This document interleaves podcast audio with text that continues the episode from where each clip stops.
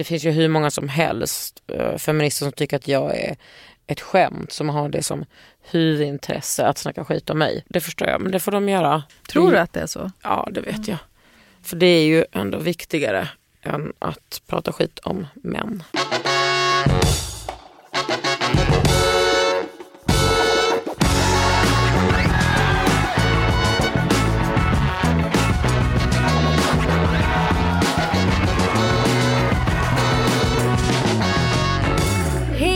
Välkomna till Gott folk. Podden där jag, Hanna, sätter våra oh, kanske mest intressanta svenskar i moraliska dilemman i ett försök att komma människans natur lite närmare på djupet. Hur enkelt är det egentligen att offra ett människoliv för att rädda tre andra och hur väljer vi när inget av valen är att föredra? Och vad är en bra människa? Och tycker de här kända personerna att de själva är bra människor? Veckans gäst är Kakan Hermansson. Hon är konstnär, hon är programledare, hon är väldigt, väldigt rolig och på senaste år så har hon blivit Sveriges stora hudvårdsguru med podden Under huden och sin skönhetsblogg på L. Jag upptäckte Kakan redan då hon körde talkshowen Kaka på kaka som gick på SVT och sen dess har jag verkligen älskat henne och hennes väldigt så direkta tilltal. Samtidigt så gör ju det mig lite rädd för henne. Men jag är ju å andra sidan rädd för ungefär hälften av alla som jag intervjuar i den här podden. Men jag vill inte säga fel till Kakan för det känns som att hon har en väldigt tydlig moralisk kompass. Och det känns som att ifall man skulle säga någonting som är åt helvete så skulle hon kunna skrika typ läs en bok eller något i den stilen. Eh, vi ska kolla ifall hon har så tydlig moralisk kompass i dagens avsnitt av Gott folk. Nu kör vi! Ta in dem. Ta på dig de där om du vill. Nej. Va? Vill du inte? Nej, jag har aldrig det. Mm. Inte när du spelar in din... Nej gud, alltså absolut inte då. Mm. Tycker du att det känns mer podd när man gör det? Där? Mm, jag gillar också att höra min egen röst. Mm. Mm-hmm. Det är sällan att eh, folk som, som har podd, alltså jag ska inte säga att jag gillar att hö höra min egen röst men det är väl mer att jag tycker att nu för tiden att det är helt okej. Du kommer ihåg i början när man hörde sin egen mm, röst, man bara mm, hur i helvete ja. lät jag? Ja men det gjorde man ju, gjorde inte du radioprogram när du var barn? Jag gjorde oh. typ filmer. Mm. Filmer, sjöng in mycket typ Kristina från Duvemåla och som vi hade på så här ultraspeed, jag och min syster. Mm. Hade, om vi hade sett musikalen, nej. För mina föräldrar tyckte liksom att musikal var töntigt. Mm. Och nu i efterhand kan jag tänka så här. Varför, varför sa de det? Ja. Men Kristina från Duvemåla känns ju ändå som en kulturskatt. Ja, eller? det var inte mina föräldrar intresserade av. Du måste finnas den ja. är fin. Mm. Det var den vi sjöng. Va? Det var den vi sjöng. Ja. Du måste vinnas, du måste. Alltså det var ju så uppspeedat på en sån liten, ah, ja. Mm. Nog om rösterna. Vad kul att du är här. Ja jag är så glad. Alltså jag är så glad för att du frågar mig om ja. jag vill komma hit. Ja men såklart. Det är en ära verkligen. Eh, du är önskad också av mina lyssnare. Så det är kul. Det har du lyssnat på Gott folk som Nej. podden heter? Nej det har jag inte. Jag, jag lyssnar typ inte på poddar. Mm. Ibland lite. lyssnar jag igenom min egen podd innan det går men det är väldigt sällan. Mm. Gör du det med dina? Nej, nej, nej, nej. Man tänker ju bara fan det mm. gick väl bra. Ja. Är du redo? Ja. Mm. Okej okay, jag börjar. Nu blir jag liksom lite nervös. nej var inte det. Jag tar av mig glasögon nu. Uh, men, första frågan. Liksom. Hur mår du? Bra. Jag har uh, varit hos, alltså gått upp tidigt jag varje dag. Mm. Träffat Ida Klamborn som har sytt, hon håller på att sy en klänning till mig till Elgalan ja. som är fredag den 17. Kommer du leda den? Svar för fjärde gången. Ja. Mm. Efter det gick jag till gymmet. Mm. Eller jag åkte taxi till gymmet. Men, men jag är ju på gymmet hela tiden. Vad gör du där intresse. då? Lyfter du vikter? Springer du? Springer jag? Nej det gör jag verkligen Nej. inte. Jag håller på och tränar liksom. Mm. Med en PT och ibland lyfter jag måndag klockan sju på morgonen lyfter jag. fy fan. Ja det är underbart. Så då gör det ett vidrigt pass. Jag hade redan så mycket träningsverk att jag liksom ja. inte kunde gå i röven. Ja. Gick dit. Och då tror man sen när man säger det till sin tränare, jag bara Lojsan jag har ont. Hon bara, då är, då är det bara okej okay för henne. Och sen när man säger typ jag måste spy nu för att det är så jobbigt och hon bara okej okay, men så här, kräks och kom tillbaks. Det är inget såhär nej men då tar vi det lugnt. Mm. Det finns inget sånt i henne. Ja men det, det är bra, ja, det kanske man Men behöver. det finns inget skrikande eller sånt. Det finns mm. inga speglar på gymmet. Det är skitbra. Mm. Jag mår bra. Mm. Och, jag och sen gjorde du peeling? Jag gjorde en ansiktsbehandling. Ja. Eh, och den, men den peelingen ligger liksom på nu fortfarande. Ja. Känns ingenting. Och Du så har inte en enda finne? finnarna, Nej. har du det då? Ja, här. Mm. Och en här Mm. någonstans. Nej men jag är ju, jag brukar få min finna precis innan mens. Mm, mm. Men nu så har jag inte det. Men det är inte det som är problem. Alltså min hy är väl bara att jag vill ha mindre porer och typ fastare hy. Men eh, det får vi se hur det blir med det. Det är inte hela världen. Eh, för de som inte vet, vad, och jag vet ju inte, vad, vad gör du nu för tiden? Jag eh, jobbar lite på Konstfack, alltså jättelite, 10 procent, eh, som, eh, som adjunkt heter det för, på keramik och glas där jag gick. Sen så håller jag på att skriva en film tillsammans med Fanna Ndao Norby och Bahar Paras, en komedi som är jättekul. Det har vi gjort länge, men det går bra med, den, med det manuset liksom. Eh, och sen så, du vet, det är så det här låter sjukt men det är så sällan folk frågar mig vad jag gör för de tror liksom att jag vet vad jag gör. Jag jobbar ju mycket med L. Jag, jag skriver där. Jag ska snart skriva en jättestor intervju med en väldigt cool tjej. Kvinna. Tjejkvinna. Eh, För liksom den stora intervjun. Och sen så bloggar jag, jag poddar ju. Jag har en podd som heter Under huden. Och eh, när jag försöker hinna med livet, Mm. vad fan gör jag? Ja, men Träna, det låter ju som typ. att du, du har fullt upp. Mm. Vi träffades ju för första gången när jag var 23. När jag jobbade för Blondinbella. Ja, jag jobbade ju på en tjejtidning som hette Egoboost. Det var liksom mitt första jobb. Jag kom direkt från Sundsvall och visste ju inte, eller pluggade. Skrev du den intervjun? Mm, det gjorde jag. Eh, med dig. Och ja, du var ju den coolaste, eller det är du fortfarande, du är ju väldigt cool. Eh, men jag tyckte att du var väldigt cool. Eh, men Ja, jag var väldigt man- så... Förhoppningsvis clueless. tycker du inte att jag är lika cool nu. Alltså, Ju, nej, men alltså, man tycker att folk är coolare när man är 23 givetvis. För att man... men jag kommer Okej. ihåg den, ehm, den plåtningen. Det var jävligt snyggt alltså. Du hade på dig någon massa nallar. Ja, den, Mm. den är fortfarande skitfin. Mm. Den är på vinden men och jag hade lila hår och... Mm. Men vadå, tyckte du att den eh, ett, alltså, intervjun inte var så bra? Eller? Nej men det var ju det första jag gjorde någonsin. ja. Ska jag säga. Men vadå, hur fick du Det- det jobbet? Nej men för jag pluggade media. Alltså jag pluggade och så Ja. hade jag min blogg som var ganska stor och så sökte jag praktik på Blondinbellas nya tidning. Och sen fick jag det jobb, alltså fick, vart jag anställd. Ja. Liksom. Jag Eh, kommer ihåg att jag var lite så, jag bara ja det här är väl någon sån här nyliberal tidning men ja. det är ju bra om jag syns överallt. Mm. Men jag minns inte den eh, intervjun som dålig. Nej men jag har lite skam efter den. Har inte det. Nej. Jag kan säga att den värsta intervjun jag har gjort har varit när jag gjorde så omslag för DN. Mm, okej. Kan du tänka dig att det inte ska vara så då? Nej men vad var det som var så dåligt? Nej, men det var bara en kvinna där som inte förstod någonting. Jaha. Ja, men jag minns att jag hade läst mycket intervjuer med dig om att du inte, alltså att du synade begreppet så här, stark kvinna. Och så minns Mm. jag att när vi fotade med fotografen så sa han det återkommande. Du är en sån stark kvinna, du är som en stark... Och då minns jag att jag stod där och bara nej. Åh nej, så mycket ansvar. Alltid ta ansvar från olika män som är i, i, i rörelse omkring en. Vad tycker du är en bra människa? Ja, jag tycker, alltså nu, nu är jag ju 38 och nu har man ju levt lite och gått i terapi i 10 år så då har man ju väl kanske en, eh, en någorlunda sund bild. Jag tycker en bra människa är en omtänksam människa. Alltså som liksom eh, tänker på andra, inte bara de omkring en utan liksom tänk globalt, jobba lokalt. Alltså att man har ehm, eh, ett omtänksamt perspektiv på, alltså ett världsperspektiv. Mm. Ja, det är stort. Det Mm. låter stort, men är det så fel? Nej.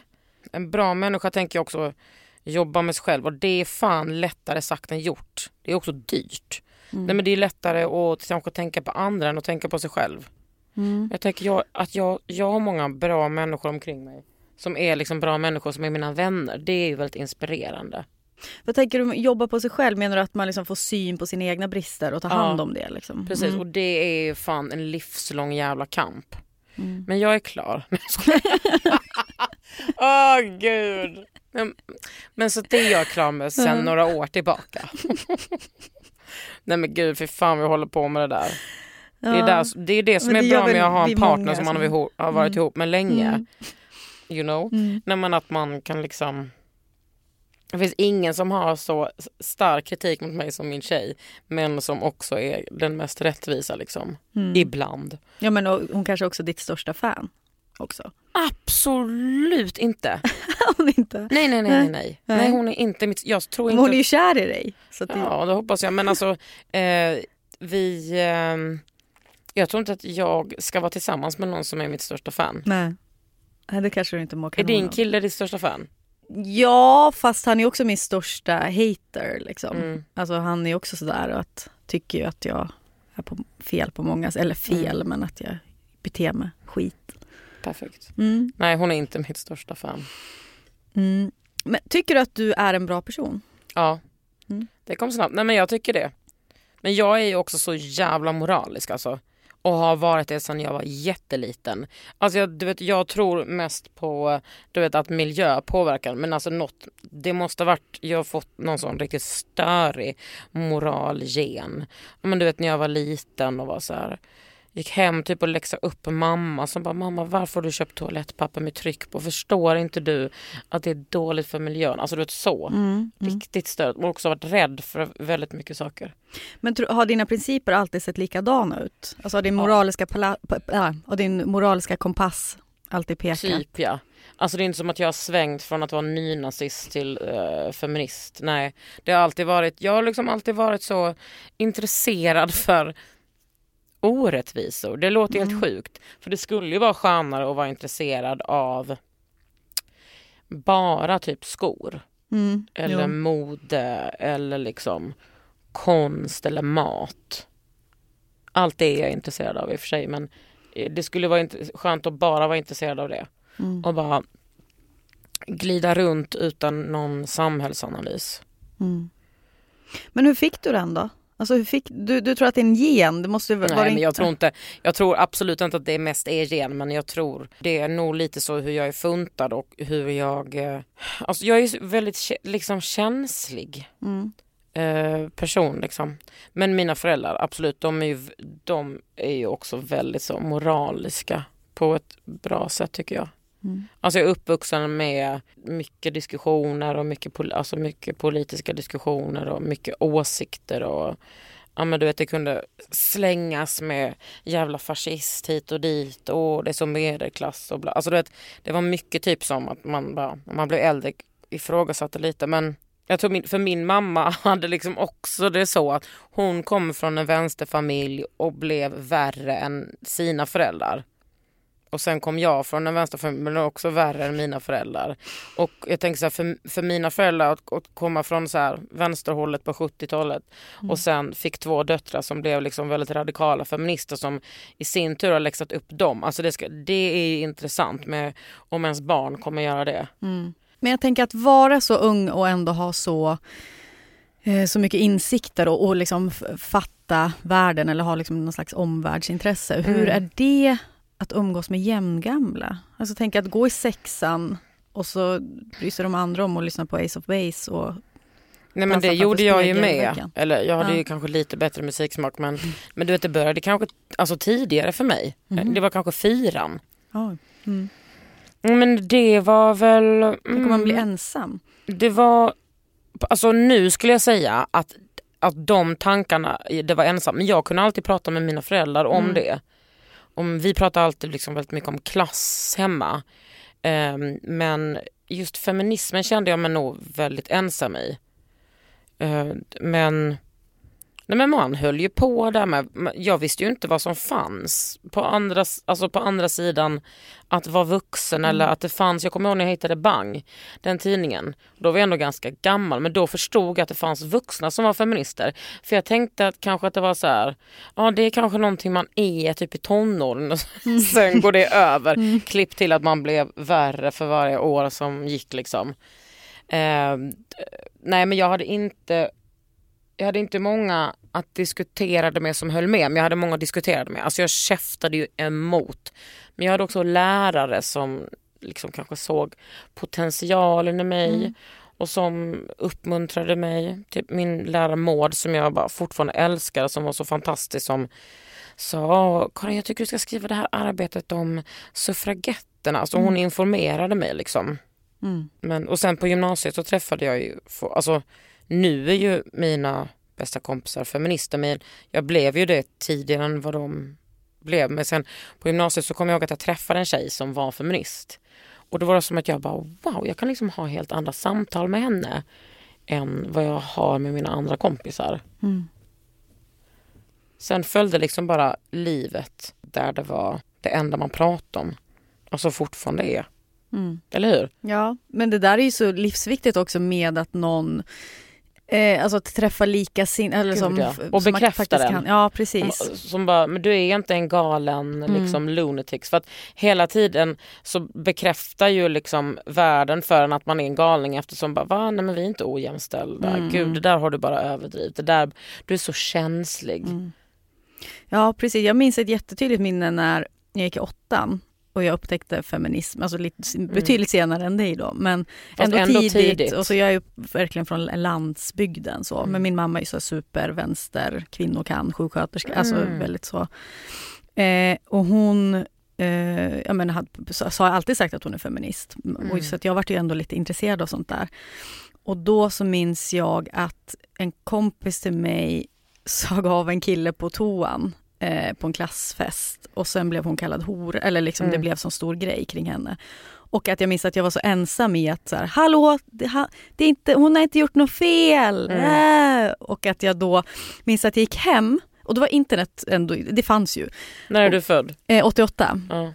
Eh, och googlade så här, feminism för att få liksom, argument och hittade då, heter hon Hertman? Hirdman. Hirdman. Yvonne, Ja. ja. Hon hade gjort ett klipp innan Youtube fanns som jag hittade på alltså, någon sajt där hon liksom förklarade patriarkatet för mig. Och att det blev liksom starten på att här, Wow. min feminism. Men som sagt, det är ju livsviktigt att man får liksom någon bekräftelse. Aha, det var, jag hade rätt, min känsla var rätt. Det var Mm. liksom världen som var fel. Du vet, jag såg liksom nu på eh, SVT, den här morgonshowen, någon som skulle förklara, ja, men det, det var där med Harvey Weinstein, Stein, Mm. eh, att han hade blivit åtalad igen. Och då var det en tjej där som, som pratade om, om vad, vi, vad vi skulle få i kölvattnet av metoo och att det skulle bli eh,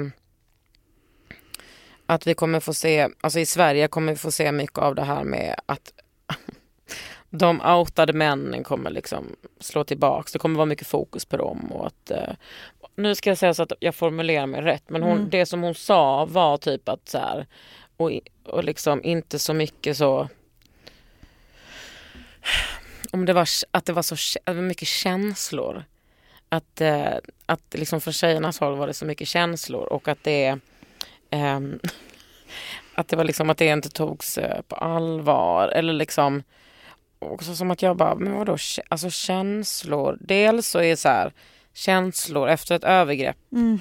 eh, är kanske inte så konstigt. Och Nej. också som att så här, känslor, alltså det är ju också så här, en intellektuell grej och det, alltså, det har ju skett övergrepp. Varför ska man, alltså hela tiden känslor och så.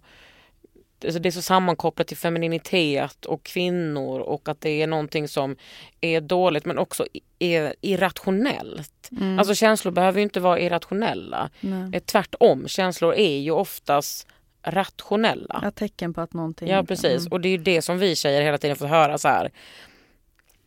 Alltså att vi överdriver eller vad fan vi än håller på med. Mm. Mm. Men ja, jag tycker att jag är en bra människa. Absolut. När tycker du att du är dålig då? Ja, jag tycker att jag är dålig typ.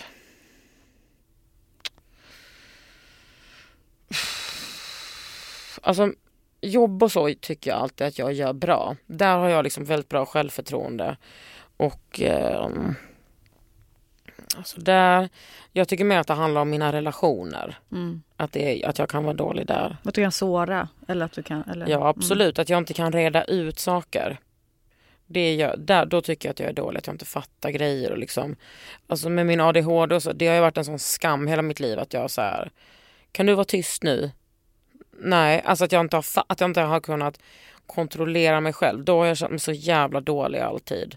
Mm. Jag känner mig, alltså off, ibland känner jag mig så dålig för att jag är tjock. För att jag bara, var, varför är jag det? Varför kan jag inte bara sluta äta? Men nu har jag liksom ändå, alltså det är ju, ja, det är så här jag ser ut liksom. Mm. Det är inte mer med det. Men jag har verkligen känt mig så här. Varför kan inte jag bara få såna ätstörningar som alla, som massa andra tjejer och bara sluta äta? Mm. Det verkar vara så himla lätt för dem som bara Ja. De mår kanon. de mår kanon. Nej, men det är verkligen så. Jag har tänkt på det så mycket på, på senaste hur, hur den här fettfobin finns bland mina vänner. Att det är så jävla inpräntat liksom i folks liv. Nej men dålig känner jag mig. Alltså jag kan känna mig dålig när jag typ kanske inte orkar med folk. Jag har alltid varit så självuttömmande person. Att jag liksom har liksom lite skitit, i- alltså mer än jag vill, skitit i mig själv och hjälpt alla hela tiden. Och det har jag liksom slutat lite med för att, alltså inte, jag, hjäl, alltså jag bryr mig om folk men jag har slutat vara så självutplånande liksom. Och då kan det ju lätt bli så att jag känner mig kanske dålig. Jag måste påminna mig själv om att, så att ta hand om mig själv mer. Känner du dig som en bra människa liksom i... Jag tänker ifall man kollar mer så världsligt, alltså att du tar ansvar för klimatet, att du... Ja, lite både och. Alltså vi hade ju det, typ, jag och min tjej träffades i november så då för, förra året när vi var ute och åt middag så var det som att hon bara, och då hade vi liksom the miljötak. Hon bara okej, eh, jag vill att vi slutar flyga. Jag bara okej, då gör vi det. Så jag, jag har flugit en gång det förra året på grund av jobb liksom, men en Mm. liten kort sträcka. Eh, jag hade också köpstopp förra året för att jag inte Nej, men jag behöver inga mer kläder. Köpte två plagg ändå. Men att jag fick köpa second hand liksom. Mm. Ehm, nej men jag är väl, alltså just också för att jag gör samarbeten, alltså reklam. Där, där är det inte många pluspoäng för mig i, i liksom miljöhimlen kan jag tycka men försök, jag försöker lite. Jag hade ju kunnat sluta äta kött helt. Det har jag inte gjort. Nej. Vi ska återkomma till det lite. Mm. Eh, är du bra på att förlåta? Mm. Jag tycker nu så är inte jag i så många situationer längre. Men jag kan också vara så här, jag är bra på att förlåta men jag är också väldigt bra på att inte glömma. Alltså jag kan vara så här, jag vet att den där killen typ så här, tog min kompis på röven, oj 99. Mm. Honom har jag inget intresse av. Alltså du vet med sådana saker. Okej. Mm. Men det är ju ingenting som kanske äter upp mig heller. Men rätt ska vara rätt. Mm. Har du någon i ditt liv som du vet att du aldrig kommer kunna förlåta? 100 procent. Mm, Okej. Mm. Det är en person som har gjort min syster illa. Ah. Det där är, alltså nej nej nej, det där kommer jag aldrig förlåta. Mm. Aldrig. Drivs du av mycket dåligt samvete? Nej. Fan vad skönt. Mm. Det är inte så att du gör grejer på grund av skuld och liksom att du Nej, nej, nej, nej, nej. Det där gör jag. Alltså kan, nej, verkligen inte. Är du en person som eh, ljuger? Ja, jag kan ju ljuga lite eh, vita lögner ibland. Ja.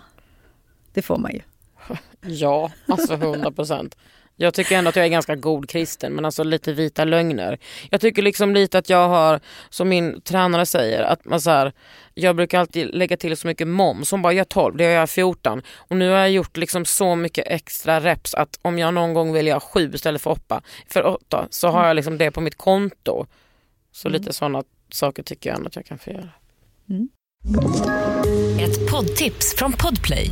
I fallen jag aldrig glömmer djupdyker Hasse Aro i arbetet bakom några av Sveriges mest uppseendeväckande brottsutredningar. Går vi in med hemlig telefonavlyssning och, och då upplever vi att vi får en total förändring av hans beteende. Vad är det som händer nu? Vem är det som läcker? Och så säger han att jag är kriminell, jag har varit kriminell i hela mitt liv men att mörda ett barn, där går min gräns. Nya säsongen av Fallen jag aldrig glömmer på Podplay. Nu är det dags för moralsnabbisen. Jag kommer ställa snabba frågor. Du får svara hur långt du vill. Mm. Men gärna ganska snabbt. Mm. Eh, Äter du kött? Ja, Varför? eh, för att jag är lat. Och för att jag tycker att det är så jävla gott. Och, och skäms jättemycket nu när jag säger det. För jag var ju vegetarian och typ vegan i tio Ja. år. Mest vegetarian. Du har ju en ver- alltså, verkligen en vegan-aura. Men det är för att jag är lesbisk. Okej. Lesbisk feminist. Alltså det är inte... Eh, Alltså det är så många som tror, du är väl vegetarian? Jag bara nej, alltså det är... alla lesbiska är inte det längre. Eh, Det hör ihop på något Jag sätt. vet, det gör det. Mm. Har du klimatångest? Ja, skojar du? Källsorterar du? Mm, Alltså liksom eh, så noggrant att det är liksom, för fan jag springer till den här jävla källsorteringen. Skulle du källsortera lika noga ifall din tjej Hanna inte bodde med dig? Ja. Okej, hon är inte drivande i det. Nej det skulle Ah, jag okej. inte säga. Har du gjort botox? Nej. Har du gjort fillers? Nej, men gud det ser du väl? Ja, men Kolla. Nej, alltså jag tror att jag skulle se helt galen ut i fillers. Botox, alltså det syns ju inte typ. Nej. Alltså, men jag är inte helt emot, alltså det kanske jag gör sen. är det okej att köpa sex? Nej absolut inte. Det är ju inte att köpa sex, det är att köpa övergrepp. Mm. Det är inte okej. Ska droger legaliseras? Ja men det beror på vilka droger. Men jag, alltså vi har ju redan, alltså gud, gammal kvinna. Alltså alkohol är ju redan lagligt. Om men... alkohol uppfanns idag då skulle det vara förbjudet. Om alkohol uppfanns... Nej men jag tycker ja, man skulle nog kunna kanske legalisera gräs lite. Men det är ingen liksom... Alltså det är inte min kamp. Det är Nej. liksom inte min... Men kör mer CBD-olja. Alltså du vet jag gör det grej. Jag, är det är, jag är inte så intresserad av det. Ändå varit en pothead men det är jag inte nu längre. Mm. Sexigt. Är du för dödsstraff? Eh, nej, det, jag tänkte faktiskt på detta igår. Mhm. Vad tänkte du då? då?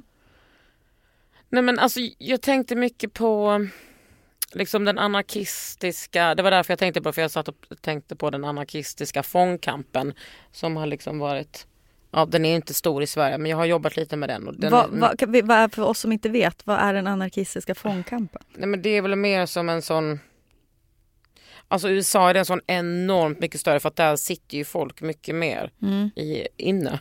Och det finns så mycket fler fängelser och fångar att man liksom man bedriver någon slags ehm, alltså solidarisk fångkamp att man liksom brevväxlar, hälsar på, hjälper till, alltså med alltså kanske legal advice bla bla bla. Lite det som Kim Kardashian har tagit sig an nu. Precis. Jag skulle säga att det är decentrerat kring henne. Skoja. Men, eh, att, men jag har liksom bara varit så att jag har varit besöksperson på Kronobergshäktet. Mm. För kvinnor alltså, och typ hållit på med så här hantverk. Men, eh, jo men det var där, då tänkte jag på det i alla fall och ehm, nej. Men det är ju verkligen också en sån känslomässig sak att man vill att folk ska dö. Men då kanske man, om man vill att den personen ska dö, kanske man kan döda den själv. Alltså det är ingenting jag uppmuntrar men jag tycker liksom inte att det är statens roll att bestämma. Hur mycket skänker du till välgörenhet varje månad? Otroligt mycket. Har du någon summa? Jag skulle kunna tänka mig att det är 5000. Oj! Ja. God person, right? Ja. Nej men alltså det är ju, alltså det är inte dåligt samvete, det är mer så här fördelningspolitik. ja. Alltså att jag eh, också försöker typ så bjuda mina kompisar som har mindre pengar än jag och typ eh, Nej, men jag, har ju all, alltid, jag har ju de här liksom organisationerna som är kanske två och fem varje månad som jag skänker till. Alltså typ är med alla dem. Och sen så brukar jag alltid swisha om jag, har lite, om jag får feeling. Swisha lite till Rosenlundstödet och, och sen så brukar jag ge kanske någon EU-migrant som behöver pengar. Så jag brukar liksom ha lite sedlar i plånkan. Öppnar du breven som du får från de här organisationerna? Ja, jag måste ju se vad de vill. Men jag tycker det är ju verkligen inte miljövänligt. Nej. Det måste de ju släppa. De kan skicka ett mejl. Men jag tänker, det, många som jag intervjuat, som jag ställt en fråga, de säger nej, de öppnar aldrig de här. Alltså att man är med i, man är med i Unicef eller plan eller vad det nu kan vara. Men man, och så får man brev men de öppnas liksom inte. Man kollar inte på dem. Mm. Nej, nej, jag Men brukar öppna dem. Mm.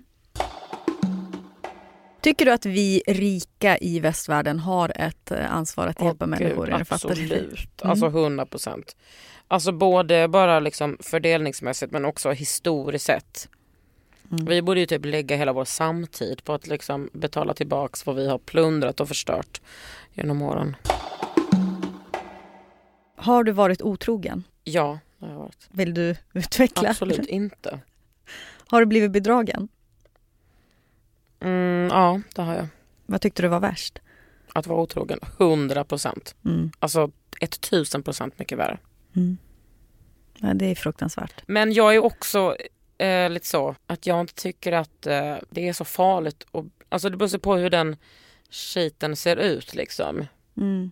Tycker du att man har något ansvar att berätta eller menar du att man inte behöver? Det tycker jag verkligen är alltså från men då var det ju att min tjej hade ett annat förhållande och det var inte på de grunderna som vi hade liksom kommit överens om.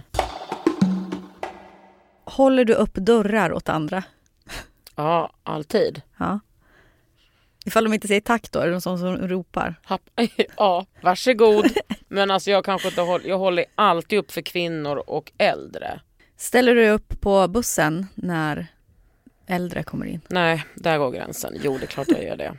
Och en dum fråga. Gravida. Men vem, fanns, vem svarar nej på den? Då är man ju störd. Jag tror att Johanna Nordström svarar nej på den. Nej men det är bara för att hon ska vara fräck. Ja, men jag nej det gör jag inte, jag sitter ner. ja.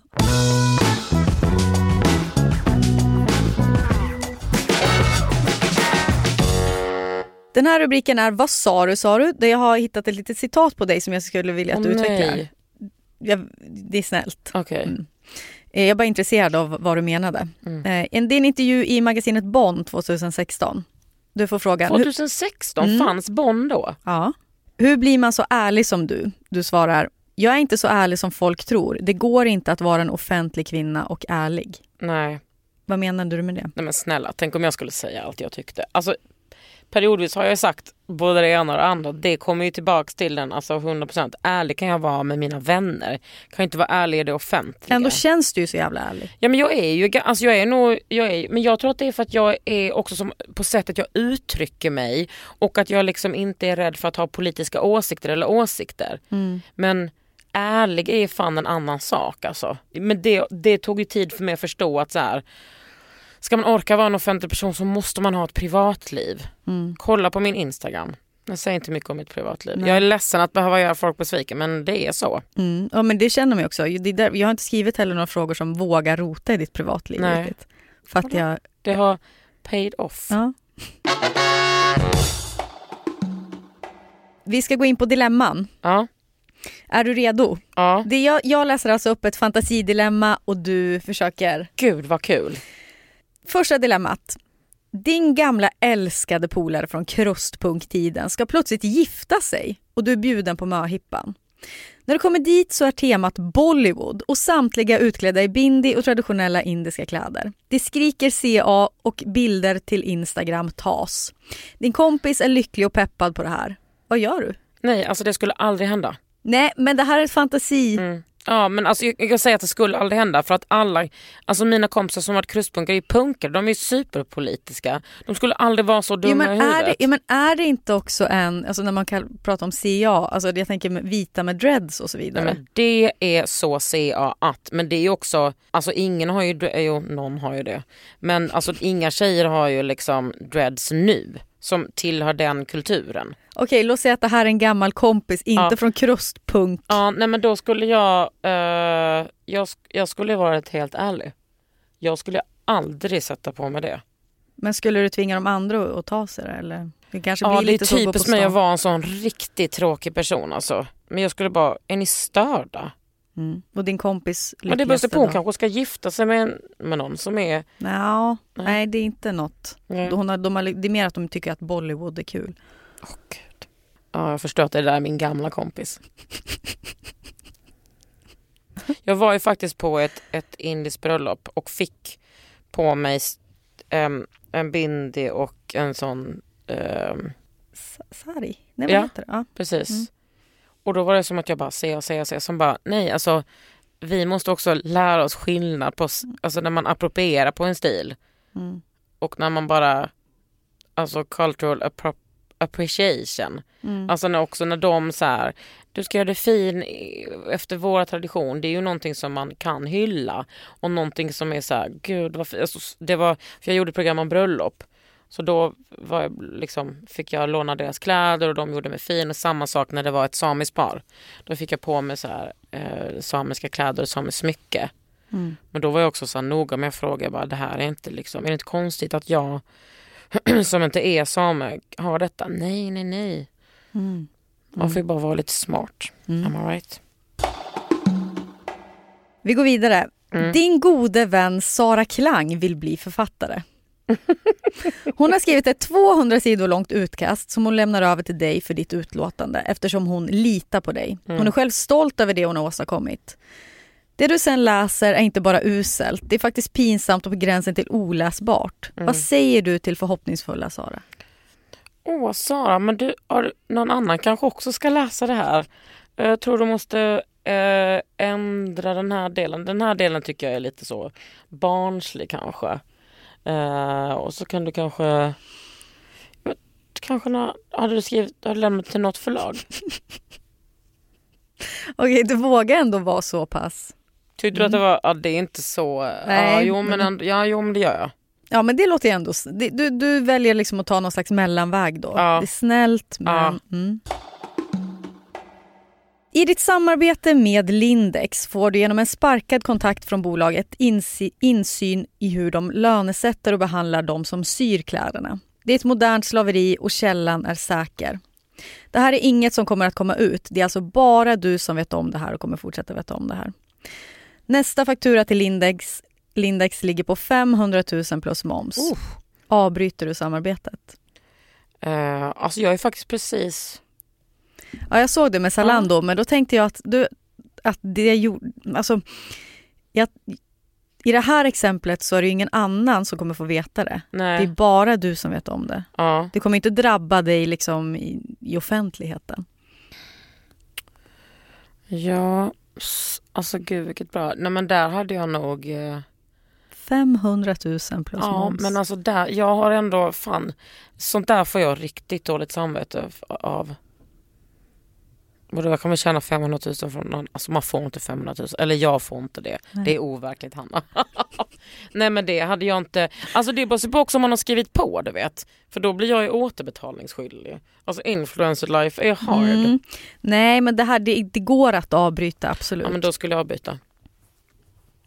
Tacka nej till 500 000 plus moms. Ja. Hur vet du, jag tänker du har gjort samarbete med Lindex. Hur, hur vet du liksom att det inte är så? Jag tycker att det är så himla mycket så här upp och nervägning. Mm. Det heter det inte.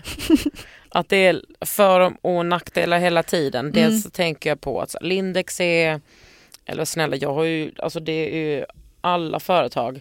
Det är väl inget företag som liksom har egna får som gör sin egen ull och sina egna kläder. Nej. Nej, alltså det är ju en, en klädkedja som de flesta, alltså de som har råd att göra samarbeten är ju klädkedjor liksom. Mm. Uh, nej men jag tänker att jag så här, dels liksom märken som kan, som erbjuder kläder för tjocka tjejer eller juicy tjejer eller vad man säger. Det är jag liksom väldigt så här keen on att, att uh, visa upp. Och att så här, visa upp, alltså kolla hur liksom andra svenska tjejer ser ut. Eller tjejer i Sverige. Alltså det är så homogent. Därför tänker jag att det är bra med lite Mm. Så du försöker hålla fast vid det istället för att då... Eh, alltså jag tänker ifall det dåliga samvetet kommer kring så här, det här är slitt och släng eller så här, konsumtions... Um. Eller att du inte vet hur ja, fast det där har, alltså- produktionsprocessen alltså, ser ut till exempel. Nej men det är ju jag, alltså de har ju, alltså det, alla företag man jobbar med är så här, allt är bra, jag är ju mm. alltid så här, hur ser de fackliga liksom rättigheterna ut? Mm. Alltså att all, alla säger ju att allting ser bra ut. Alltså jag är medveten att jag kastar sten i glashus för att jag har gjort samarbete med H&M. Så att jag, ja. liksom, jag går inte till någon attack. Nej nej nej, jag tycker inte att det är attack. Jag tycker mm. att det är, alltså, om man jobbar med sånt som jag gör, mm. då ska man också kunna prata om det. Jag har mm. också jobbat med H&M, Zalando, mm. alltså allt äh, möjligt. Däremot, det var roligt, jag vill, jag vill inte göra samarbete med Gudrun Sjödén. För ja just det, alltså, hon var ju så... Ja men det var redan innan. För att jag mm. tyckte att hon, hon, är så, hon är ju CA. Hon har bara inte verkat fatta. Jo men nu ska vi gå tillbaks till det där. Uh, jag tycker att det är svårt att kontrollera. Men jag känner också nog lite mer med att jag har fått en så lite mer... Blivit lite mätt på hela influencerlivet. Att jag är, är mycket mer selektiv nu. Mm. Får du mycket kritik för samarbeten? Nej. Men jag tänker eftersom att du är så tydligt vänster och sen att vara influencer mm. eller göra den typen av samarbeten är ju såklart att sko sig på kapitalismen. Alltså Ja. där ifall det finns någon... Jo men det, alltså jag tycker att det är, många dagar kan jag vara så här. "Åh, jag, skit, jag skiter i men sen andra dagar är jag ju så här, nej men nu får jag, jag måste chilla lite med det här. Mm. Samtidigt som jag tycker om att det är någon som ska göra det så är det jag. Mm. Men, och det är ju inte liksom, eh, nej det kanske inte är moraliskt helt rätt. Men jag, jag, det, är, ju- det är lite det jag tycker att jag tycker att jag har gjort så mycket andra bra grejer. Så, alltså så tycker jag verkligen. Mm. Att det liksom kanske jämnar ut sig, men det jämnar inte ut sig. Alltså det finns ju hur många som helst eh, feminister som tycker att jag är ett skämt som har det som huvudintresse att snacka skit om mig. Det förstår jag, men det får de göra. Tror du att det är så? Ja, det vet jag. För det är ju ändå viktigare än att prata skit om män. Du har varit hundvakt åt din kompis Hanna Hellqvists hund Ines. Åh nej. och fått diverse regler för hur hon bör skötas. En bit in i det här hundvaktandet ser du att Ines smaskar i sig en chokladkaka som legat och skräpat i ett hörn hos dig. Och hundar får ju alltså inte äta choklad. Verkligen inte. I panik ringer du till veterinären som säger att det är viktigt att hålla uppsikt på Ines närmaste dygnet men att det förmodligen inte kommer vara någon fara. Hanna hämtar Ines om en timme och du vet hur upprörd hon kommer bli om du berättar. Och det verkar ju inte heller vara någon fara. Säger du något till Hanna? Självklart, jag älskar Ines. Jag älskar han. Nej, alltså hund. Är du inte rädd för hennes reaktion? Du har, Nej. Hon har liksom gett dig sin käraste ägodel. Nej men sån vänskap kan man inte ha. Det är klart jag säger det, jag ringer ju henne direkt. Ja, nej, nej, nej, nej, nej. Mm, Den var lätt alltså. Alltså vet du vad? En gång när jag var, jag var i Västsahara och jobbade där i, eh, eller det är ju inte Västsahara, det är ju Algeriets öken som de har lånat ut en bit öken till västsahariska flyktingar. Jag var där och liksom jobbade lite och skrev om den situationen för några år sedan. Och så hade vi med oss, vi visste liksom inte hur mycket mat vi skulle få men vi bodde liksom på en expedition sådär. Så vi fick mat. Men då hade vi med oss sådana bars som vi kunde äta liksom om vi blev hungriga. Och så, så hittade jag en hund. Så jag bara nej, den såg så himla hungrig så slängde jag in den och så Lisa som jag var med som är en riktig sån djurrättare hon bara var inte det där en chokladbar? Jag bara jo, chok- äh, djur kan inte äta choklad. Eller hundar kan inte äta choklad, de dör då. Jag bara "Hå!" Du vet mitt ute i så här, världens fattigaste situation. Alltså gick hem, kunde inte sova på hela natten i vårt, liksom, vår lilla lerhydda där vi bodde i, eller lerhus.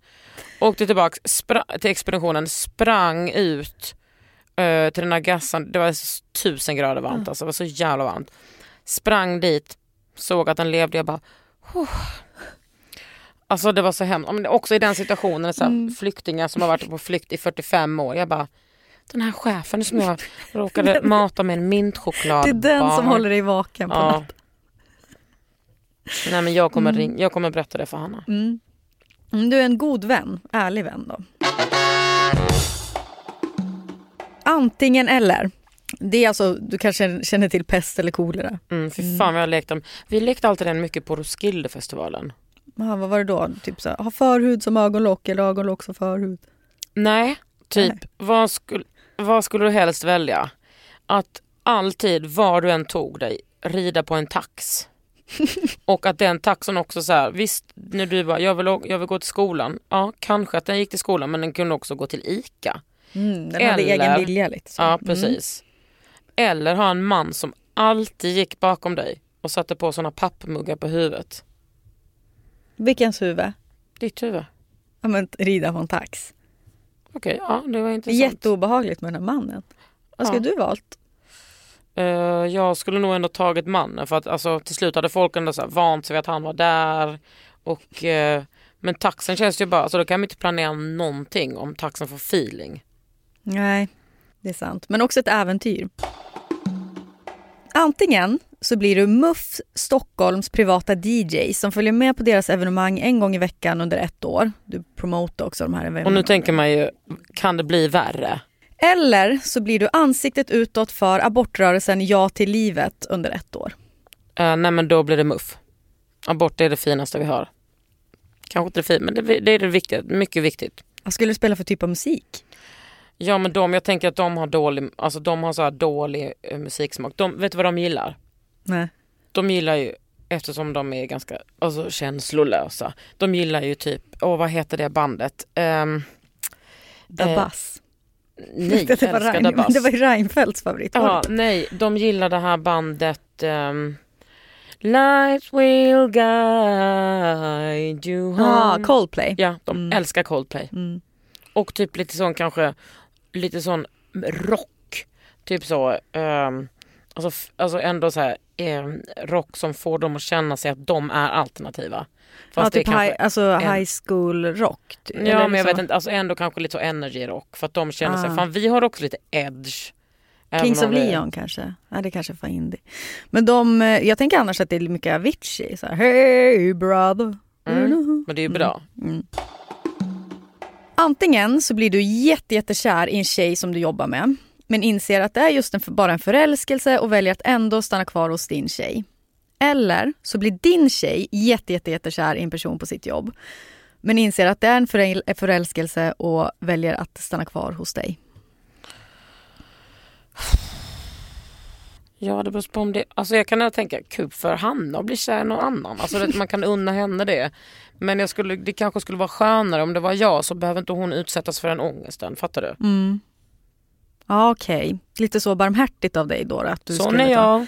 Samtidigt är det ju... Ja, det är kul att bli kär. Men Det är Alltså, inte det kul att bli det kär i någon om man är ihop nej, med någon. nej. Ja, vad väljer du? Du väljer att du blir Ja kär. i så fall tar jag Mm. mig för jag, eh, ty- ja, jag väljer mig. Mm. Av bara farten skriver du under en debattartikel som ska publiceras i Aftonbladet om sexköpslagen. Senare visade det sig att det var en artikel om varför sexköp bör legaliseras som har ditt namn på sig. Gud. Eller så släpper du en singel tillsammans med Ultima Thule. Eh, och fy fan vad vidrigt. Det är den svåraste frågan idag. Nej men jag kan ju inte, jag inte alltså, klart jag inte kan släppa en singel med Ultima Thule. Jag får väl bara säga att det där var fel den där artikeln. Alla vet ju var jag står ändå. Ja, men folk kommer ju tycka jävlar vad korkat. Ja. Läser hon inte igenom det hon skriver under? Jo men då får det vara så för att, att göra Ult- Ultima Thule, hur fan ska jag kunna se någon i ögonen efter det? Bra! Det var den sista. Du klarade dig genom... Men definiera gärna klara det. Ja, men det, är så här, det kommer ju... Lys, lyssnarna brukar ha ganska mycket åsikter. Men snälla, de brukar... Katrin Zytomierska hade de lite Really? eh, åsikter om. Men eh, de som lyssnar brukar ju slida in på mina DM så Mm. Hanna Pi heter jag på Instagram. Eller, eller så kan vi göra det till dig och säga Ja. bra resonerat R&B. Hermansson heter jag. Mm. Men ja men det är väl det där med, ja, nej, men jag, jag, jag välkomnar. Har du ångest över någonting du har sagt? sagt? Mm, Eller känns det... Jag tycker ändå att du känns tydlig. Alltså jag har inte ångest för någonting jag har sagt. Det är kanske mer att jag har ångest över bara hur jag är. och det är ju för sent nu för nu är jag ju den personen. Nej, det ska du inte ha. Nej men du, Du är jag, ju otroligt älskvärd, men det vet du om. Ja men tack Hanna, du är med. Ja. Men har någon gjort det här på dig? Nej, men jag har fått lite förfrågor om att folk vill ha det, så jag kanske ska göra det Men frågan om inte du ska komma till min podd. Så Jo. ska jag ta lite moraltemp på dig. gång. Mm. Vill du göra det? Ja, men jag är också rädd. Ja, ja. Men kom till underhuden och prata om din perfekta hud. Ja, som jag inte har, men absolut. Ja, vill du komma? För du, du Mm. Ja. är ju väldigt önskad. Ja, men jag vill komma. Jag har Ja. sagt det till dig när vi har setts. Det är konstigt att du inte har... Mina kompisar har varit med, min Ja. kompis Marlene har varit med. Men vet du vad man måste göra? Nej. Man måste suga på vissa karameller. Ja, okej. För att nu har jag, jag har gjort kanske 160-170, man kan inte ta alla godingar direkt. Nej. Taskigt mot de andra som har varit med. ja. Nej men du förstår, man måste Ja. liksom, det ska, hur länge ska jag hålla på med den här podden? God knows. Det går ju bra. Ni borde lyssna på Kul. den. Under huden. Eh, bra. Är det någonting du vill liksom säga till lyssnarna det sista innan du går? Någonting du vill? Ja, det vill jag. Mm. Om ni vill veta mer om typ hur det ser ut med prostitutionen i Sverige kan ni följa Rosenlundstödet till exempel. De är väldigt bra. Och Talita, det är två organisationer eh, som jobbar jättemycket för eh, kvinnor i prostitution och eh, porr. Och sen så kan man också följa kontot Inte din hora. Mm. De är bra. Och genom dem kan du hitta fler. Det är liksom mitt hjärteämne som jag tycker är väldigt viktigt att prata om. Mm. Bra. Med de orden säger vi hej då. Och tack så mycket Kakan. Tack för att jag fick komma. Fan vad kul. Ja men det var jättekul att ha dig här. Ja, vad bra. Hej då! Hej!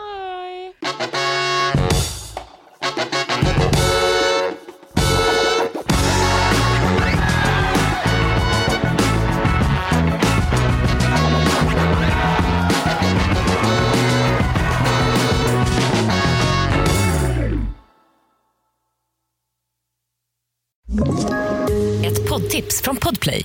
I podden Något Kaiko garanterar östgötarna Brutti och jag, Davva, dig en stor dos skratt. Där följer jag pladask för köttätandet igen. Man är lite som en jävla vampyr. Man har fått lite blodsmak och då måste man ha mer. Udda spaningar, fängslande anekdoter och en och annan arg rant. Jag måste ha mitt kaffe på morgonen för annars är jag ingen trevlig människa. Då är du ingen trevlig människa, punkt. Något Kaiko, hör du på Podplay. Därför är gardinerna.